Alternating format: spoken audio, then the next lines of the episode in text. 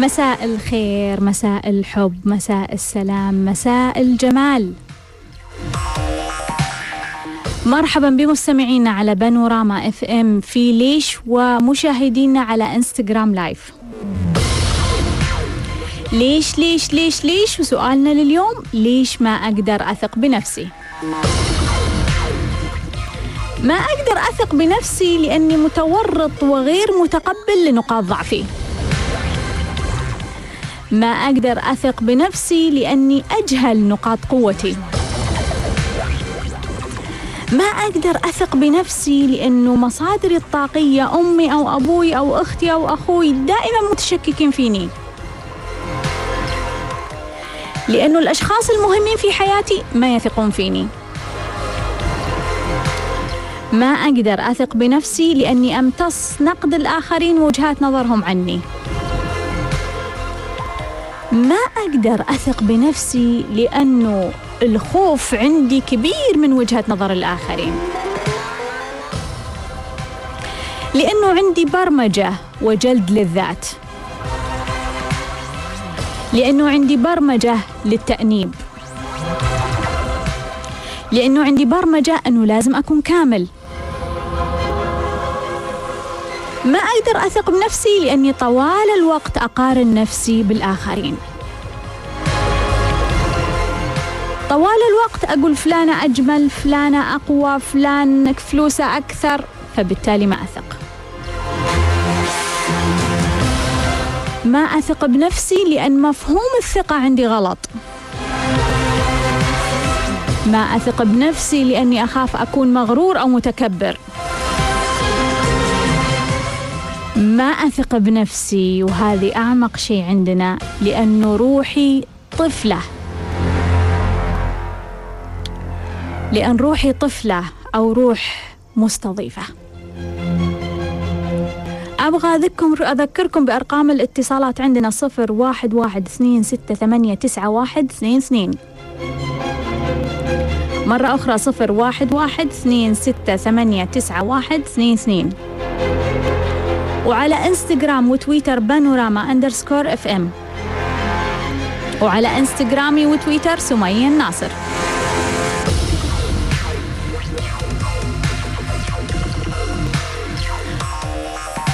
وخلوني أقرأ بعض التعليقات اللي وصلتني على إنستغرام وتويتر.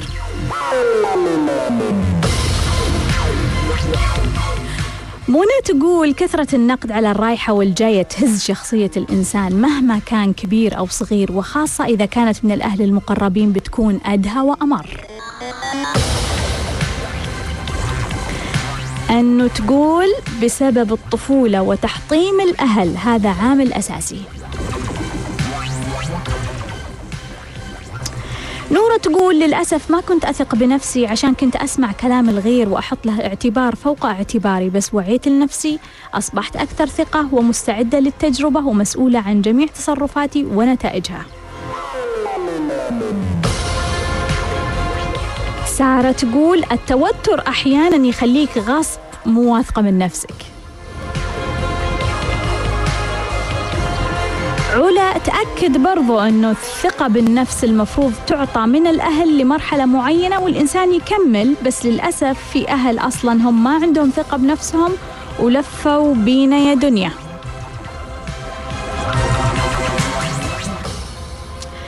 نورة تسأل تقول هل الثقة بالنفس هي توافق أو تتعارض مع الثقة في الآخرين ولا ما فيها علاقة؟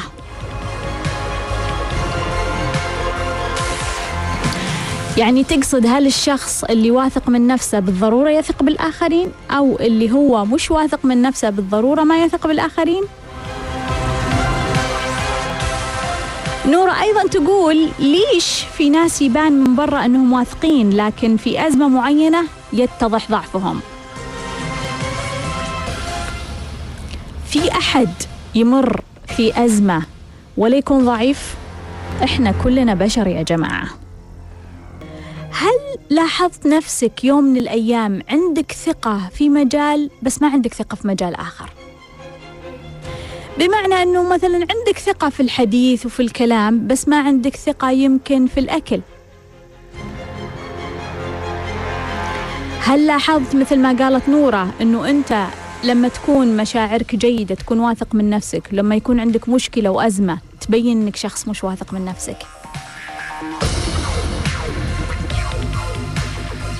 هل لاحظت أنه لما يكون حولك أشخاص واثقين بأنفسهم أنه تضعف ثقتك أو تزيد ثقتك؟ هل لاحظت أنه أنت لما تعدل سلوكياتك أو شكلك أو هيئتك أنه ثقتك تزيد أو تقل؟ وخلونا ناخذ اتصال مرحبا ألو السلام عليكم وعليكم السلام مين معاي؟ معك بسمة. أهلا وسهلا يا بسمة. حبيبتي تفضلي. آه، دكتورة عندي أنا مشكلة. مشكلة مشكلتي هي آه، أمي. امم أمي قبل آه، قبل أتزوج. هي إنسانة متسلطة مرة. مم. يعني متسلطة لأقوى شيء لدرجة إنه ما في شيء بيدي. حتى درجة إنه ملابسي ملابسي ما تخليني أنا أختارها. امم طلعت من عندهم وتزوجت تزوجتي باختيارك ولا أمك زوجتك؟ أه لا تركت لي الخيار بس أنا كنت صغيرة وقتها يعني كنت 18 سنة 18 سنة وتركت لك الخيار وين. التسلط؟ ما هو تسلط بكل شيء بس هذا الموضوع ما كان فيه. عرفتي؟ طيب اسلمي أيوه. بسمة أه في سؤال ثاني طيب وش السؤال هالآن؟ وش الرسالة؟ امم لأن لأن أنا تزوجت وكمان عرفتي يعني طلع نسخة زوجك نسخة من أمك إيه. امم طيب السؤال الثاني هنا. السؤال الثاني أنا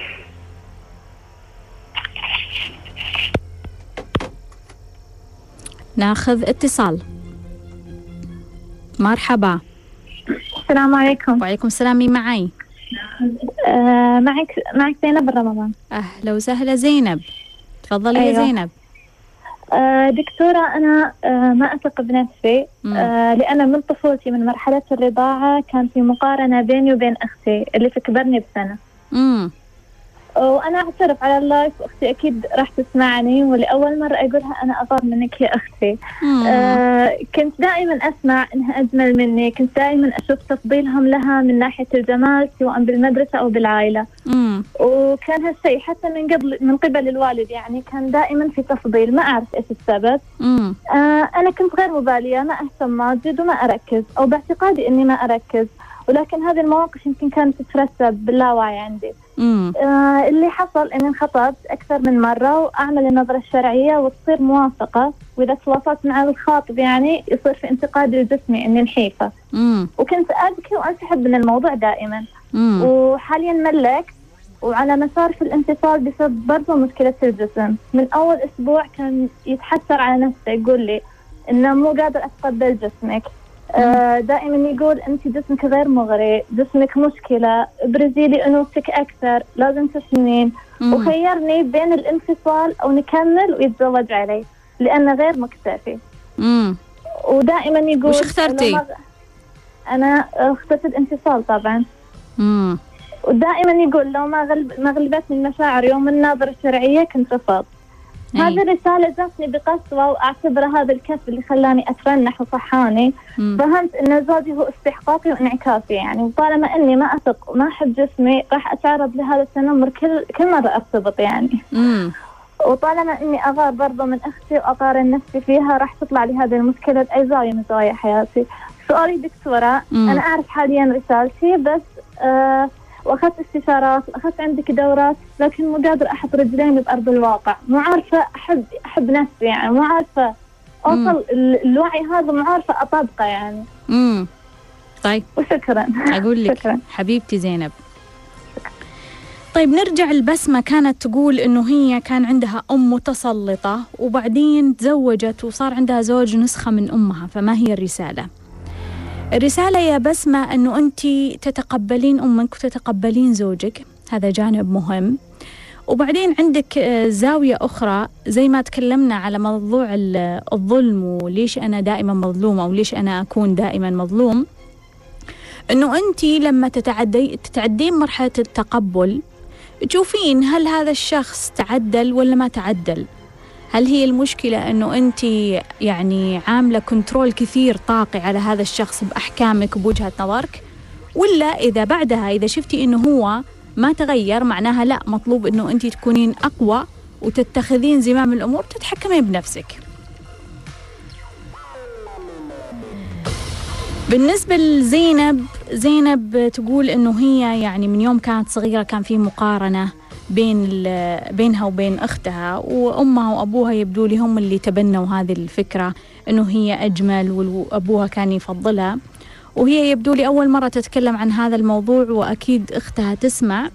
فأنا أحيي فيك شجاعتك يا زينب وأنا أقترح عليك بما إنه أنت تكلمتي عن هذا الموضوع آه، وبما إنه أنت تتوقعين إنه أختك تسمعنا فأحب أقول لاختك انها هي مطلوب منها إنها تساعدنا في هذه المشكلة. إنه هي مطلوب منها إنها جزء من الطاقة اللي وصلتها والتعزيز والثقة اللي وصلتها إنها لها دور الآن إنها تدفعك الآن وتعزز من ثقتك وتعطيك شيء من هذه الطاقة اللي عندها. برضو يا زينب قضية إنه في رجل يشوفك وبعدين هو يقول آه، أنا والله جرتني المشاعر وبعدين هون وتراجع وإنه هو قال لك يعني يا انفصال يا أنا بتزوج عليك. وأعرف إنه هذا شيء آه، جدا قاسي ومؤلم. انت تقولين أنا أخذت هذه الرسالة بقسوة إنك انت تحبين نفسك. لكن لا يبرر لنا إنه إحنا مسؤولين عن سلوكياتنا وعن تصرفاتنا. إن إحنا نسمح للآخرين بقلة الأدب وقلة الاحترام. لا يعني يا جماعة أنه إحنا محترمين وواعين ومتحملين مسؤولية نفسنا وكل ما صار خطأ في الحياة نقول هذا خطأنا وهذا مسؤوليتنا ونعدل الداخل ونحصص نحس نحسن الداخل ونصحح الداخل. أنه يجي شخص من الخارج يخطي علي أقول لا أنا الغلطان أنا بصحح الداخل أنا المشكلة من عندي إيش الرسالة؟ لا. الشخص لابد يكون مؤدب ومحترم. وحتى لو كان عندك مشكلة في الداخل أنت بعدين بكرة بتدخل غرفتك وبتعدل مشكلتك وبتصحح الداخل لكن الخارج برضو يحتاج تأديب. يعني هذا الرجل لما قال لك إنه أنا والله بس غلبتني المشاعر ومشيت الموضوع بعدين الآن قاعد يقول انفصال والزواج عليك هذا المفروض ما تسكتين عليه.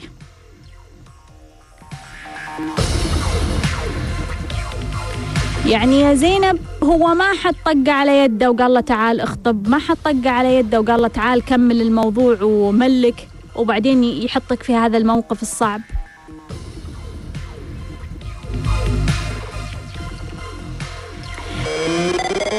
زي ما انت تتحملين مسؤولية انك تحبين نفسك هو لازم يتحمل مسؤولية الكلام والقرار الغير مؤدب هذا.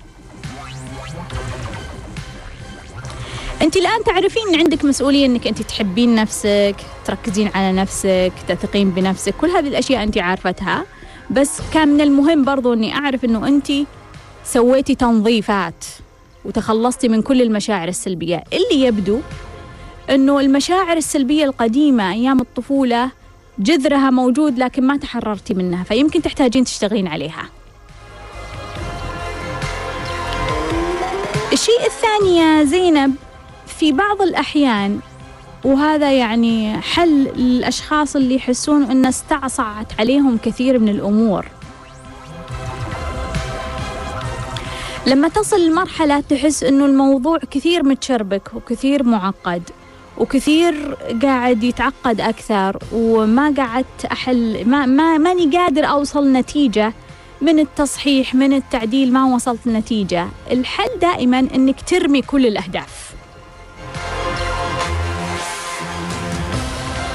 بمعنى آخر يا زينب أنه تستسلم.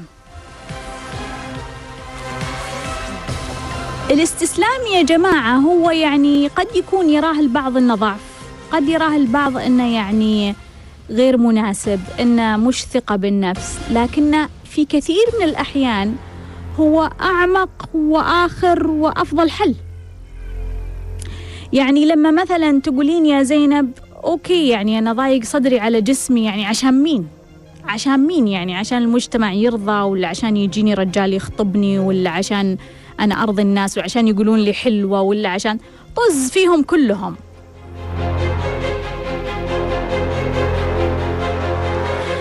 يعني لما تصلين لمرحلة أنه تحسين أنه أنت ارتبكتي جدا مع هذه المشاعر وما قدرتي تحلينها تخلي عن الأهداف.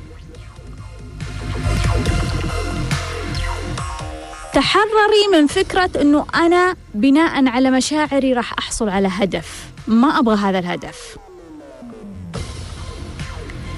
لأن الموضوع صار عبارة عن تأثير متبادل ما بين هذه المشاعر وهذه الهدف. فأنا أبغى أحب نفسي عشان أحصل هدف عشان أحصل رجال.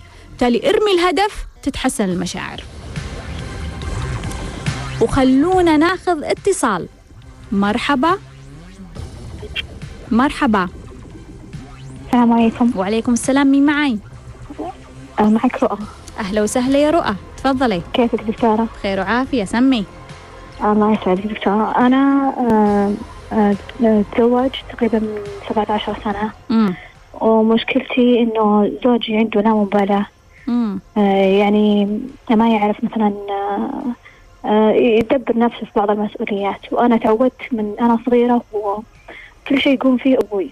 امم كل شيء يعني ماديا كل شيء متوفر لي. امم لكن آه، زوجي لا. يعني آه، لا لازم ياخذ رأيي بكل شيء. أنا ما ما تعودت أبدا من هالناحية. يعني لدرجة إنه حياتي صارت حوسة مرة من كل الجهات. امم آه، بداية كان كانت ماشية ماشي شيء بسيط يعني حياتي. لكن بعدين صرت أشوف بالأحلام وبالمنامات إنه حياتي الجاية راح تكون سيئة. يعني كل شيء أشوفه بال- بالمنام يعني مثلا آه، أفسر عند مفسر أحلام أو شيء كلهم يعني يعني ما ينصحوني إني مثلا أفسر الرؤى. بس مم. مع الأيام صرت أشوف أشوف حياتي قدامي قاعدة تنحاس. يعني من كل ناحية تخيل يعني من ناحية مثلا أهل زوجي من ناحية أهلي من ناحية صديقاتي من ناحية آه، شغلي آه، من ناحية بيتي. طيب، يمكن الشيء ده إيش- يكون إيش مسيطر عليه؟ بس أطفالي إيش دخل موضوع أهلك وشغلك بموضوع إنه زوجك لا مبالي؟ إيش دخل؟ يعني كلها حوسة كل قصدي يعني حياتي كلها حوسة عرفتي؟ آه يعني كل- مثلا لو كان لو كان مثلا زوجي يعني ماشي في أموره قايم بواجباته وكذا. يمكن مهون علي لكن لا أنا كل شيء آه يعني أنت قلتي زوجي لا مبالي هذه واحدة من الأشياء. واحدة من الأشياء إيه. اي وشغلك يعني فيه حوسه بعد. آه شغلي آه إيه الحين يعني قاعدة تنحاس عرفتي بعد ما شفت المنامات من زمان المنامات هذه تقريبا أخذت ست سنوات أو ثمان سنوات. آه وبعدين صرت أشوف الحياة مرة صايرة قاعدة تنحاس معي. إي. آه ما ما أدري يعني وش السبب. الحين طيب يعني رؤى. أحس رؤى رؤى أنت اسمك الحقيقي رؤى. أي. إي. طيب رؤى بالنسبة لزوجك واللامبالاه وش سويتي فيها؟ عادي يعني قاعدة الحين آه قاعدة يعني آه، أنا أت- أنا أتحمل المسؤولية. امم يعني قعدت أحاول إني أنا أغيره من من كل من حاولت إني أنا أغير الشيء هذا فيه إني أترك عليه المسؤولية لكن ما ما في شيء قاعد يتغير من زمان من زمان يعني. امم صرت الحين أنا اللي قاعدة أتحمل مسؤوليه لدرجة إنه مثلا أنا أصرف أنا مثلا من راتبي. وش المشكلة إذا صرفتي من راتبك؟ عادي أنا أصرف والله أصرف. ما ما عندي مشكلة بس أنا ي- يضايقني هذا الشيء إنه ليش مو أنت اللي تقوم بواجباتك عرفتي يعني أحس مم. البيت قاعد ي- هو شوي فلوسه وين تروح؟ فلوسه وين تروح؟ تروح التزامات تروح إنه أه، كل أشياء كماليات عرفتي قاعد يصرف كذا يعني مم. يعني مو مخبيها خربطة مو لا مخبيها لا ما في لا, لا مو. مخبيها لا مم. آه المهم أنا اللي بس اللي أنا قاعدة أحاول أفهمه ال- الأحلام هذه اللي أنا قاعدة أشوفها. إيه مم. طيب خليني أقول لك يا رؤى. رؤى آه، كانت تقول إنه هي عندها 17 سنة زواج وزوجها لا مبالي. وهي يعني نشأت في بيئة الأب هو مسؤول عن كل شيء ومرتب كل شيء ويعني مضبط لها كل المسؤولية. وإنها هي الآن صارت مسؤولة عن أشياء كثيرة وتضطر تضطر إنها تدفع من راتبها. طيب سألتها قلت لها يا رؤى يعني زوجك وين مودي الراتب؟ مخبيه ولا قالت لا هو يعني راتبه يعني يطير. هو يا جماعة إحنا عندنا مفهوم ومشكلة في فهم دور المال ومسؤولية المسؤولية اللي لازم تتقسم المادية بين بين الزوجين. وبرضو عندنا مشكلة في إن نفهم الواقع وإننا دائما نقارن هذا الواقع بواقع ثاني مش حقيقي. بمعنى أنه مقارنة ظالمة وغير عادلة أنه أنت تقولين أبوي كان مسؤول ويتحمل و و وزوجي مو قادر يتحمل. المعطيات اللي كانت في زمن ذاك الجيل معطيات أخرى أدت إلى أنهم هم يتحملون المسؤولية وكانت سهلة أنهم يتحملونها ويعطون نتائج والمعطيات اللي في الزمن هذا زوجك هو يعني فلوسه وطايرة يعني إيش تبغين منه أكثر من كذا يعني إذا أنا أشتغل وزوجي يشتغل وهو دافع كل فلوسه على البيت ليش ما أدفع فلوسي؟ يعني هي إيش الفكرة يعني؟ إيش الفكرة الشغل أصلا؟ ليش أنا قاعدة أشتغل؟ مو أشتغل أنا عشان أجيب فلوس وأمشي حياتي وأكل وأشرب وأعيش حياة جيدة؟ ليش ليش أقلق عشان أنا قاعدة أصرف فلوسي؟ يعني أقلق لو عندي رجل قاعد مثلا يخبي فلوسه ولا قاعد يدفعها الوحدة ولا قاعد يلعب فيهم برا يمكن أفكر أقول يا الله هذا رجل لا مبالي ولا مسؤول وأنا فلوسي ضاعت. فخلونا دائما نضع دائما المقارنة عادلة. لا تقارن بين أجيال مختلفة لا تقارن حتى بينك وبين جارك يعني حتى الأوضاع مختلفة. أيضا رؤى. تقول إنها هي لها ثمان سنوات وهي تشوف أحلام ومنامات والأحلام يعني تروح وتفسرها ويقولون لها يعني لا تفسرين الأحلام. ويعني النتيجة أنه كل شيء ينحاس عندها الشغل ينحاس أهلها ينحاسون أهل زوجها أشياء كثيرة تنحاس في حياتها. طبعا لفت انتباهي اسمك يا رؤى وأنت تقولين هذا الاسم حقيقي. فأعتقد أنه أنت عندك رسالة فيما يتعلق بالرؤى. ويبدو أنه أنت مكبرة الموضوع أكبر مما ينبغي. يفضل أنه أنت تستخدمين لك اسم دلع أو اسم يعني شوية يبتعد عن المعنى اللي انت حاطته الآن لأنه يبدو لي إن انت حاطة طاقة كثيرة وجهد كبير وانتباه كبير لموضوع الأحلام والرؤى. هذه الأحلام كلها وهذه الرؤى اللي انت تشوفينها هي عبارة عن توقعات داخلية. هي عبارة عن اللاوعي اللي قاعد يتحدث عن الفوضى اللي موجودة. يعني لو في مشكلة عندي في الدوام اللاوعي بيقول لي بكرة المشكلة بتكون أكبر.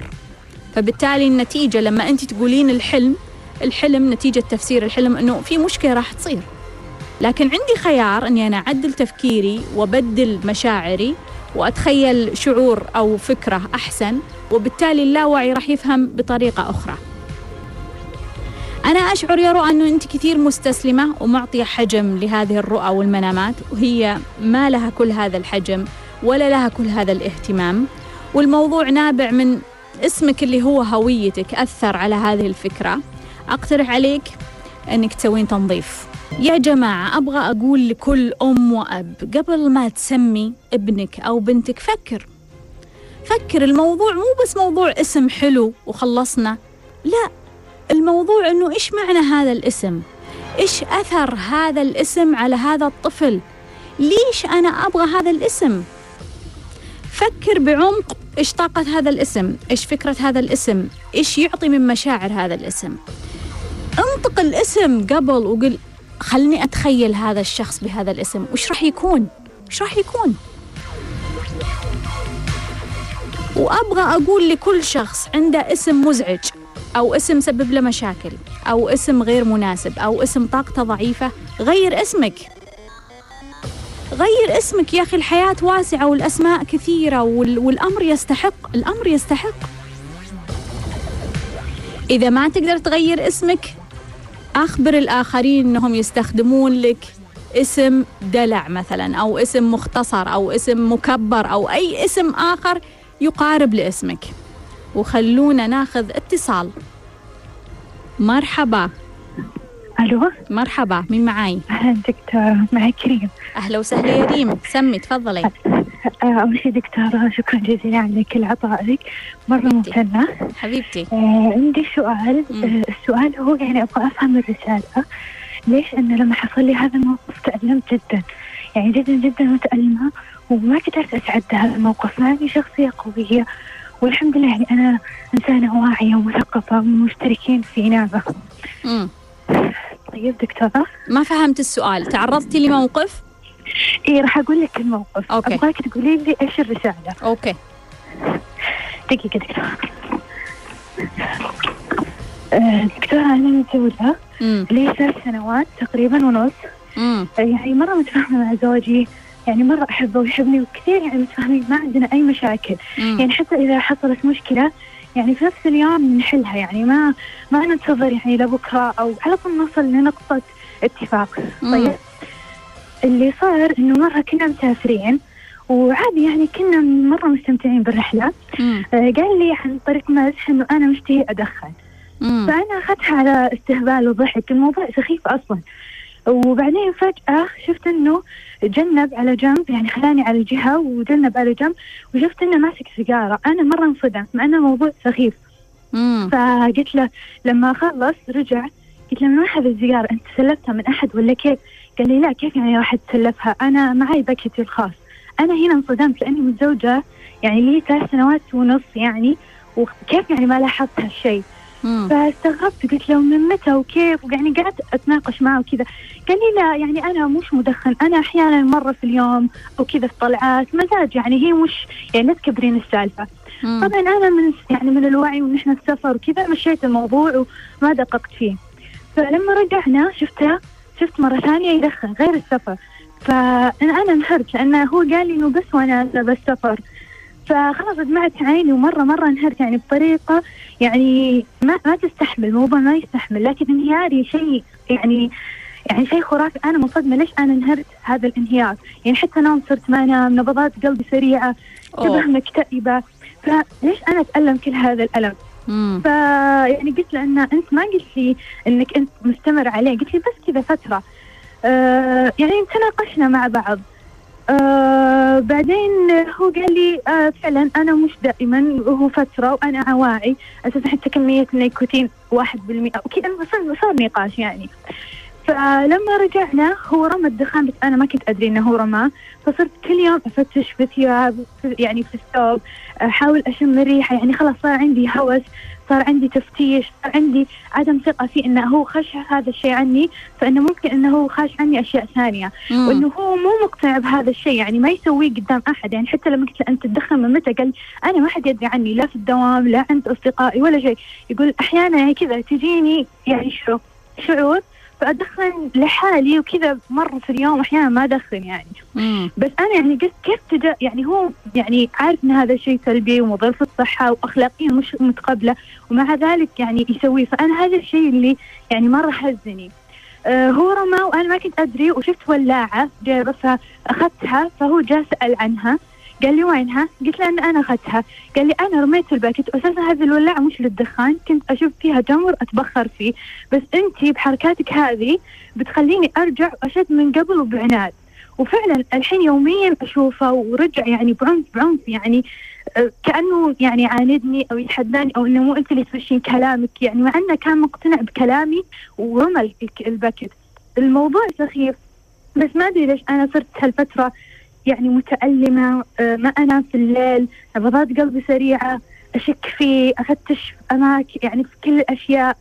ويعني أبغاك تقولي لي دكتورة يعني ما الرسالة؟ يعني ليش أنا تألمت خليني؟ أقول لك يا ريم. طيب حبيبتي دكتورة. سمي. دكتورة. سمي. أه أبغاك تقولي لي شو التصرف الصحيح اللي أقول اللي أسويه؟ وعندي سؤال ثاني سريع. يلا بسرعة.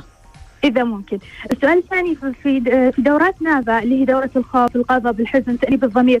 آه، أمشي عليها على حسب سلم هاوكنز يعني من البداية لفوق. إيه بالضبط. والشيء الثاني سؤال سريع. آه، إذا كنت محتارة بين شيئين آه إذا يعني تسمحي لي يعني أنا محتارة بين وظيفتين. آه آه وظيفتي الحالية راتبي جدا عالي جدا عالي وسلبياتها أن دوامها آه طويل. يعني يعني يسرقني من العائلة. وأنا مم. قيمتي الأولى يعني لما رتبت قيمي قيمتي الأولى العائلة. والخيار الثاني المطروح عليه الآن الإعادة بالجامعة. ونفس الشيء يعني الراتب أقل راح يكون من وظيفتي لكن يطلبون ابتعاث والابتعاث والسفر للدراسة برضو بيبعدني عن العائلة. ويعني إن ال- يعني الوظيفتين آه، يعني يتعارضون مع قيمتي الأولى اللي هي العائلة يعني والأولاد والزوج وكذا.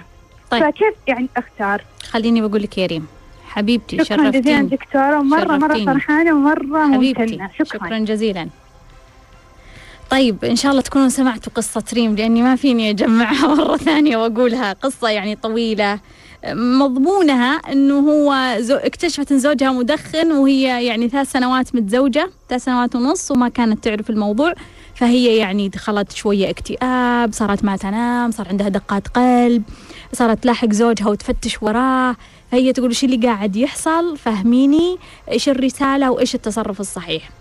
اللي قاعد يحصل يا ريم إنه خلال ثلاث سنوات ونصف انت زوجك أصبح مصدرك الطاقي وتورطتي. فكان لابد أنه موقف يحرك لك انتبهي أنت متصلة مع مين. زوجك يشعر بتأنيب ضمير عالي جدا. عشان كذا هو هذه الربكة اللي جواتها هي قاعدة توصل لك. أنت قمتي سويتي تأنيب الضمير دبل فخربتي الموضوع ال- الطرفين أربكتي نفسك وأربكتي زوجك. مشكلة عندنا يا ريم دائما لازم نفهمها. العقل اللاواعي يعني شطور أحيانا يحمينا لكنه مو كثير يعني ذكي ويعني فاهم ومركز. فهو دائما يتصرف بأشكال آه، أحيانا فوضوية للحماية للحماية يعني نواياه طيبة. في العقل اللاواعي بالنسبة لحالتك اللي قاعد يصير إنه العقل اللاواعي الآن عنده خبر إنه زوجك اللي هو المصدر الطاقي صار غير موثوق فيه. فالموضوع قاعد يكبر يكبر يكبر. يعني العقل اللاواعي قاعد يقول أوه ترى الموضوع كبير يا ريم ترى في أشياء كثيرة ما تعرفينها عن زوجك ترى في أشياء مستقبلا بتصير ما تدرين عنها. ترى ترى ترى فمخلي الموضوع كبير كبير كبير. بينما انت بالوعي تقولين الموضوع سهل سخيف ما يستاهل. لكن لا وعي لا. عنده طريقته في الفهم. فهو دائما يوسع الموضوع يوسع يوسع. ليش؟ للحماية. ليش؟ عشان يبغى دقات قلبك ويبغاك تكتئبين ويبغاك يعني ما تنت... ما تنامين عشان تتخذين احتياطاتك وتقومين تشتغلين وتسوين أشياء. بالنسبة لي اللي أنا أعتقده أنه حان الوقت أنك أنت تتحررين من أن يكون زوجك هو مصدرك الطاقي. حان الوقت أنك تتحررين من هذا الشيء. أيضا التصرف الصحيح اللي تسأليني عنه بكيفه؟ يدخن ما يدخن بكيفه؟ كيف إنسان بالغ عاقل مكلف مسؤول أمام الله مو مسؤوليتك. مو مسؤوليتك تراجعين وراه وتشيكين وراه وتتابعين وراه. يبغى يدخن يدخن. ما يبغى يدخن لا يدخن. هذه مشكلته وهذه مسؤوليته. انت إيش دخلك في الموضوع أصلا؟ برضو ريم تقول إنها محتارة بين وظيفتين. آه يعني واحدة راتبها عالي ودوامها طويل وواحدة راتبها يمكن أقل لكنها تتطلب ابتعاث. تقول إنه قيمة العائلة موجودة آه عندها. يعني في سلم ال- القيم فهي تقول كيف أختار إذا كانت قيمة العائلة راح تنسحب من الخيارين؟ إنك تنتقلين للقيمة الثانية شوفي القيمة الثانية مثلا هل القيمة الثانية عندك المال؟ أوكي قارني بناء على المال. هل القيمة الثانية عندك مثلا يمكن ال- السعادة؟ شوفي الأسعد منهم. انتقلي للقيمة الثانية وقارني بناء على القيمة الثانية. وخلونا ناخذ اتصال. مرحبا. مرحبا. مرحبا. ألو. مرحبا. أيوه أهلين. أهلا وسهلا حبيبتي. مين معاي؟ دكتورة سمية؟ إي معاك. على الهوا. آه معلش. آه كيفك دكتورة؟ الحمد لله. مين معاي؟ معك سمر. أهلا وسهلا يا سمر. حبيبتي وش سؤالك؟ آه سؤالي دكتورة أنا من يوم ما وعيت على الدنيا وأهلي شوية سلبيين يعني بيتريقوا على الشكل. مع إني أنا الحمد لله شكلي يعني حلو بس بيتريقوا على الشكل بيتريقوا على ردود الفعل وإحنا أطفال. وأكثر شيء أنا تمام؟ لما كبرت آه اكتشفت إنه ما عندي ثقة بالنفس. يعني أنا يوم كنت صغيرة ما كنت أعرف الشيء لما كبرت إنه خلاص أشوف بنات يعني أنا أجمل منهم هم فيهم ثقة. مم. ثقة بالكلام ثقة بالشكل ثقة بكل حاجة. وأشوف نفسي أنا ماني واثقة مرة من نفسي. مم. آه تعرفت على شخص صار بيني وبينه علاقة تمام؟ فصار هو يكتشف هذا الشيء اللي فيني صار يقول لي انت ما تثقي بنفسك مع إنك انت فيك أشياء يعني كثير حلوة ليش انت ما قاعدة تثقي بنفسك؟ ليش وليش وليش؟ فأنا كيف أعالج هذه المشكلة؟ مم. طيب خليني أقول لك يا سمر حبيبتي. سمر تقول إنه هي كان أهلها يعني كثير يتريقون على الشكل ودائما يعني يعلقون على ردود الفعل وأصبح النتيجة إنه ما في ثقة بالنفس. فهي متى اكتشفت؟ وهذا الشيء خطير. اكتشفت لما شافت بنات أقل منها جمال أو أقل منها في الشكل كانوا واثقين من أنفسهم أكثر. بعدين ظهر لها شخص يقول لها أنت ما تثقين بنفسك تدرون شو الغريب يا جماعة؟ الغريب أنه سمر ما قررت أنها تتغير. وما قررت أنها تتحرك وما قررت أنها تستحق حياة طيبة إلا لما في رجل عطاها تعليق. ليش ليش ليش ليش ليش؟ يا جماعة ما يحتاج ما يحتاج يعني أنت كرجل ما يحتاج بنت تعطيك تعليق أو أنت كامرأة ما يحتاج رجل يعطيك تعليق يقول لك شيء عشان تقررين إنك تغيرين نفسك. غيري بنفسك لأنه أنت تشعرين في مشكلة لأنه أنت عارفة في مشكلة عندك خلاص أنت تحتاجين إنك تتغيرين. سمر يحتاج تشتغلين على نقاط قوتك وتركزين عليها أكثر وتكبرينها وتضخمينها تتكلمين عنها تتكلمين عنها عند الناس تتكلمين عنها مع نفسك تكتبين عنها. أيضا تصغرين نقاط ضعفك بس بشرط أنك أولا تعترفين فيها. أحيطي نفسك بالأشخاص الواثقين من أنفسهم شوفيهم راقبيهم وتعلمي منهم. وخلونا ناخذ اتصال. مرحبا. مين معاي؟ محمد مرحبا.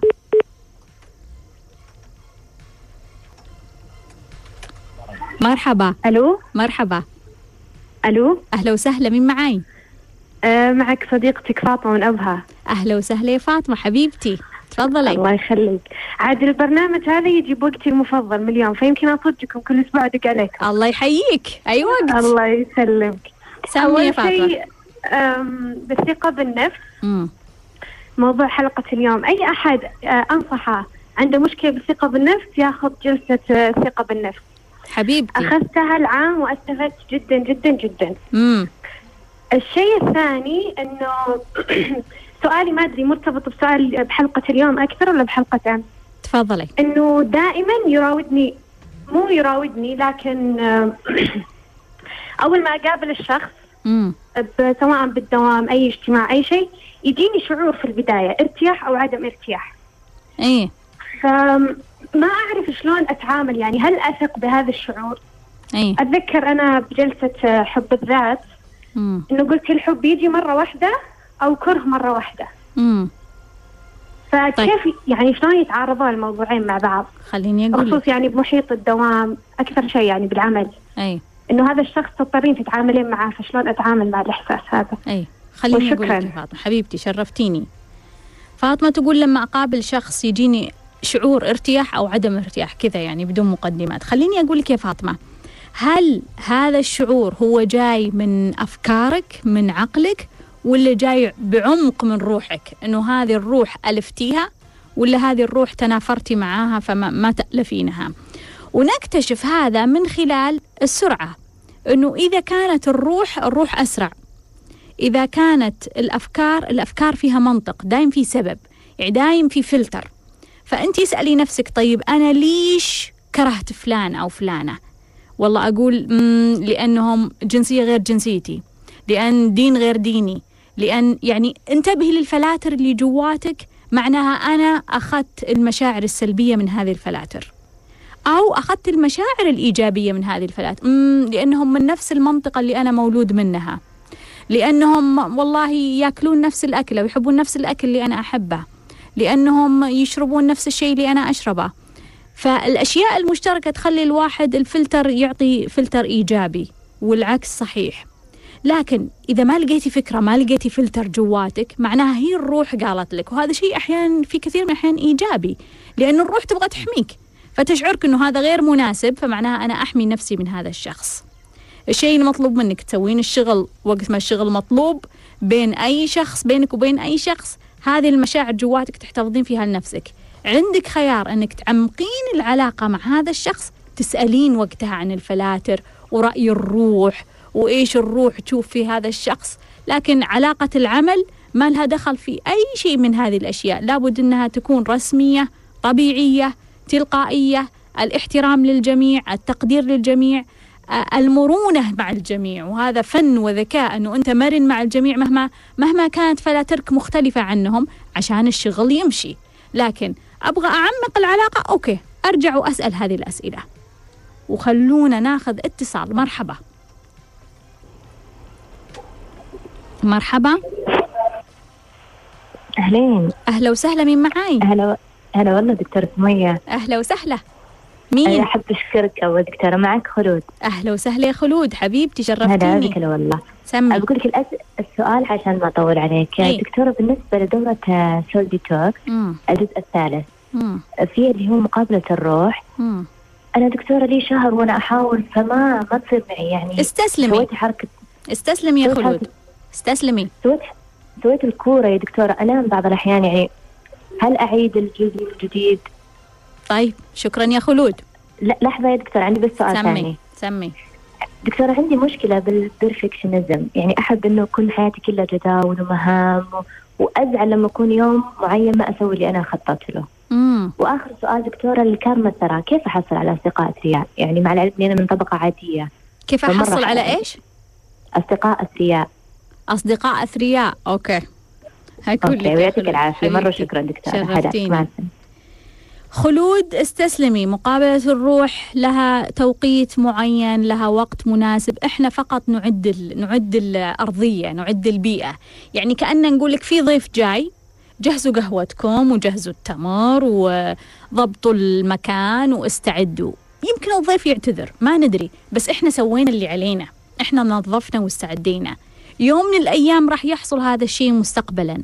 لكن يكفي إنه أنت اعديتي المكان. ما ندري متى يصير. بالتالي لا تصرين لأن مزيد من الإصرار راح يربك الموضوع إنه عقلك اللاواعي يقول "مم، الموضوع ما راح يصير. استسلمي وقفي الموضوع. بالنسبة لموضوع الجداول والمهام في الغالب إنه أنت على مرحلة الشجاعة في سلم هاوكنز. شوفي اليوتيوب مرحلة الشجاعة على سلم هاوكنز وشوفي كيف ممكن أنت تخففين من هذه ال- الجداول والمهام. أنصحك إنك أنت لا تحطين الجداول نفس توقعاتك حطيها أقل. بمعنى أنه إذا أنت تتوقعين أنك تقدرين تخلصين عشر مهام في اليوم حطي سبع مهام فقط. عشان أنت أنت لأنك في مرحلة الشجاعة محتاجة وقت للاسترخاء محتاجة وقت للتهدئة محتاجة وقت تقولين أوه أنا ما عندي شيء شيء جيد خلني أفكر إيش الأشياء اللي أحب أسويها فأستحدثها في حياتي عشان أغير من المرحلة الوعي اللي أنا فيها. أما كيف تحصلين على كارما الثراء أو أصدقاء الثراء؟ دوريهم. دوريهم يا خلود. يعني ما عندي طريقة سحرية. شلون يا جماعة؟ يا جماعة شلون نحصل أصدقاء أثرياء؟ تواجدي في مكان الثراء. هذا يدعم قد تجدين آه، أشخاص أثرياء. أيضا أحيانا لما تفتحين موضوعات معينة قد تصلين للأشخاص المعنيين. أيضا لما يكون عندك أنت نقاط مهمة للأثرياء. بمعنى أنه أنت تتكلمين عن النقاط اللي يحتاجونها الأثرياء. قد تستطيعين بهالطريقة أنك تجذبين الأثرياء. معنا وقت ناخذ اتصال؟ ناخذ اتصال. مرحبا.